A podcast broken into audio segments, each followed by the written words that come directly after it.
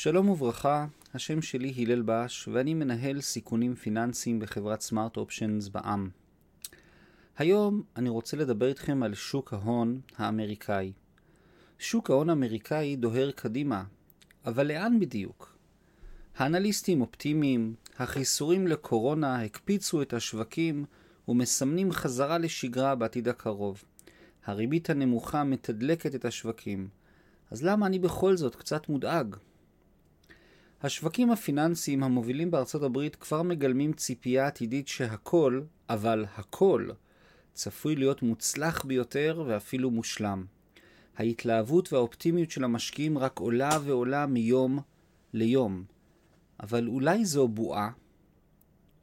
הדאו ג'ונס מדד השוק האמריקאי, הדאו ג'ונס, ה-Dow Jones Industrial Average, DJIA, עבר בשבוע שעבר את רף ה-30 אלף נקודות. מדובר על מדד שוק מיוחד הכולל רק 30 חברות ציבוריות מוכרות, blue chip, מזירות המסחר של הבורסות New York Stock Exchange ונאסד"ק.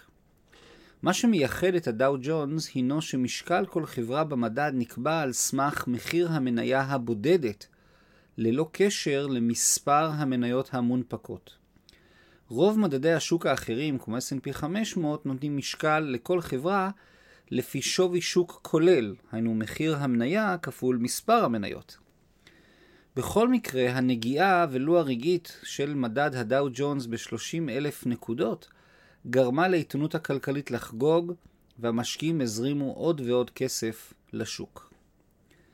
המציאות הכלכלית ארצות הברית נמצאת כיום במיתון. במהלך מגפה עולמית מדבקת שקטלה כבר כ-300 אלף אמריקאים, אשפזה כמעט 100 אלף בבתי חולים ומדביקה מדי יום כ-200 אלף חולים חדשים רק בארצות הברית. מצד שני, חברות התרופות מפתחות במרץ מספר חיסונים מבטיחים. הבנק המרכזי האמריקאי, הפד, מפזר כספים לכל עבר, וסביבת הריבית היא אפסית ולא צפויה להשתנות בעתיד הנראה לעין. אחרי שנה קשה ומאתגרת של סגרים, הגבלות והרחקות חברתיות, סוף סוף רואים את האור בקצה המנהרה. הערכת השקעות הבעיה היא שכאשר מדברים על השקעות צריך לנסות ולהעריך את העתיד הכלכלי, אבל במקביל לראות מה כבר מתומחר במחירים הקיימים. המחירים בשוק ההון האמריקאי כיום הינם גבוהים בכל קנה מידה. היינו גם אם נקבל את הנחות העבודה המאוד חיוביות של רוב המשקיעים, הרי שהנחות אלו כבר באות לידי ביטוי, ואפילו בצורה קיצונית, במחירי ניירות הערך כיום. מי שרוכש היום מניות מסוימות, כבר אינו מבטא אופטימיות קיצונית, אלא דמיון מפותח הגובל כמעט במדע בדיוני. זה כמובן לא בהכרח יעצור משקיעים רבים להמשיך לקנות ולקנות, והמחירים יכולים לעלות עוד ועוד. never say never. אבל עיון במגזרים שצפויים להרוויח ממשבר הקורונה, חברות כמו אמזון, גוגל, מייקרוסופט, פייסבוק, זום, ואפילו טסלה וכולי, מציג מחירים שמאוד רחוקים מהניתוח הכלכלי הקלאסי של מכפילי רווח, מינוף וביצור המודל העסקי. האירוניה היא שאם נקבל את ההנחה המוטעית, הרווחת בשווקים, שהכל צפוי לחזור למה שהיה לפני הקורונה, ועוד על סטרואידים, אז דווקא חברות אלו צפויות להרוויח הרבה פחות. משקיעים אסטרטגיים מי שמשקיע בצורה אסטרטגית עם מדיניות השקעה ברורה ועקבית, המתבססת על אפיון אישי, תכונות, צרכים ומטרות, כנראה מושקע מזה תקופה ארוכה מאוד במדדי השוק המרכזיים בארצות הברית, במידה זו או אחרת. משקיע ארוך טווח שכזה מושקע בשוק ההון האמריקאי מתוך הבנה שהוא יחווה עליות וירידות, תנודתיות, משברים פיננסיים וגאות כלכלית רבה, ושברמה הממוצעת הוא יצא מורווח מהתהליך. התשואה הממוצעת תהיה דו-ספרתית לטווח ארוך. קריסת שערים משמעותית, כמו במרץ 2020, לא אמורה לשנות את תוכניותיו הפיננסיות. המשקיע האסטרטגי שט אל עבר האופק הרחוק, והטלטלה הרגעית בים, ואולי אפילו סופה גדולה, לא משמע את הנתיב העקרוני האסטרטגי שבחר. משקיעים שכאלה יודעים שמשבר פיננסי בו יבוא, השאלה רק מתי. להם אין סיבה ממשית לדאוג ואין סיבה ממשית לבצע פעולות פיננסיות קיצוניות בימים אלו.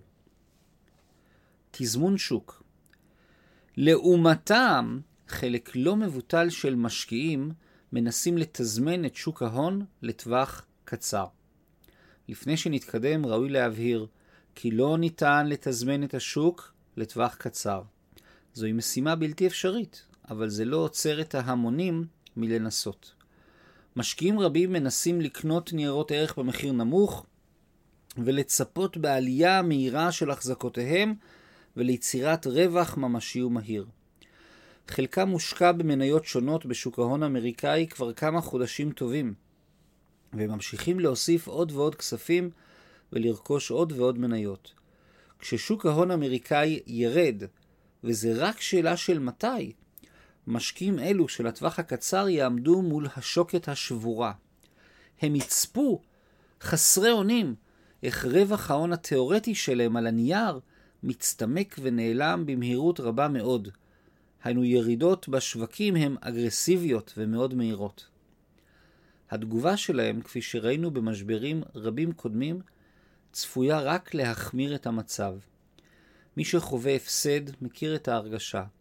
הלחץ והרצון העז לעצור את הכאב הפסיכולוגי על ידי מכירת מניות ומעבר למזומן. משקיעים לטווח קצר יגרמו לירידות שערים להסתחרר למשבר פיננסי ממשי. כך היה וכך יהיה. האם זו בועה? בועה פיננסית הינה מצב בו מחיר השוק של נכס מסוים הינו גבוה משמעותית מערכו האמיתי. אנו יודעים את מחירי השוק של הנכסים הפיננסיים, אבל הרבה יותר קשה לאמוד מה הערך האמיתי, והאם הוא גבוה משמעותית ממחיר השוק. הקושי הזה יוצר דיון מקצועי מעניין, האם השוק הנוכחי מוגדר כבועה או לא. מי שחושב שמדובר על בועה בטוח שהיא תתפוצץ מחר. ומי שלא, מעריך שמדובר על בועה, מי שלא מעריך שמדובר על בועה, יודע שהיא תמשיך להתנפח ותתפוצץ רק בהמשך. הכל יודעים שכך טבעו של עולם. בועות פיננסיות מתנפחות ומתפוצצות. כך זה קורה כבר מאות שנים. בנוסף להגדרה הכלכלית, חשוב לדעת שבכל בועה יש נרטיב משכנע אודות טכנולוגיה חדשנית שמשפרת בצורה קיצונית את הפריון ואת רמת החיים של כולם. זה ממש לא ייחודי לשנת 2020. זוהי תכונה מובנית של בועות פיננסיות בשוק ההון. יש רציונל מאוד משכנע שמניע משקיעים רבים להתנהלות שאינה בהכרח רציונלית. בנוסף, רוגוף וריינהארט, שני חוקרים בכירים מאוניברסיטת הרווארד היוקרתית, ביצעו מחקר מקיף שסקר משברים פיננסיים מהעת העתיקה ועד ימינו, ומצאו תכונה מאוד חשובה נוספת. האמירה הרווחת שהפעם זה שונה, this time is different, זו תכונה שרואים אותה לפני משבר. הם קובעים כי כאשר שומעים שמדובר על כלכלה חדשה, שבה לניתוח המהותי המקובל אין מקום, כנראה שאנו מתקרבים מאוד לנקודת הקריסה.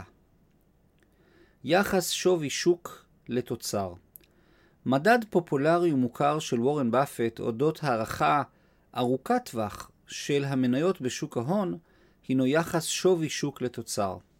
מדובר על יחס מופשט שלוקח את השווי הכולל של המניות בשוק ההון האמריקאי ומחלק אותו בתוצר הלאומי הגולמי השנתי של כלכלת ארצות הברית. במילים פשוטות, כמה שוק ההון שווה לפי המחירים כאחוז מהתפוקה השנתית הכוללת של הכלכלה הגדולה בעולם נכון למועד כתיבת שורות אלו.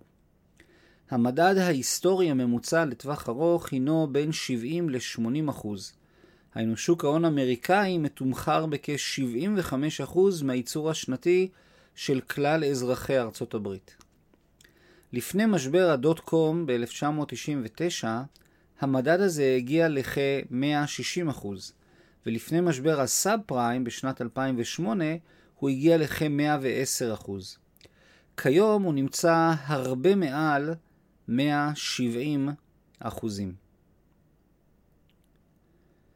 כלכלנים חזו עשרה מתוך שני המשברים הפיננסיים של העשור האחרון.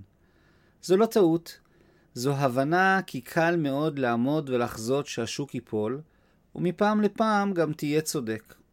השוק האמריקאי מתומחר מאוד גבוה, והמשקיעים ספקולטיביים שמשקיעים לטווח קצר או במניות בודדות צריכים להיזהר מאוד.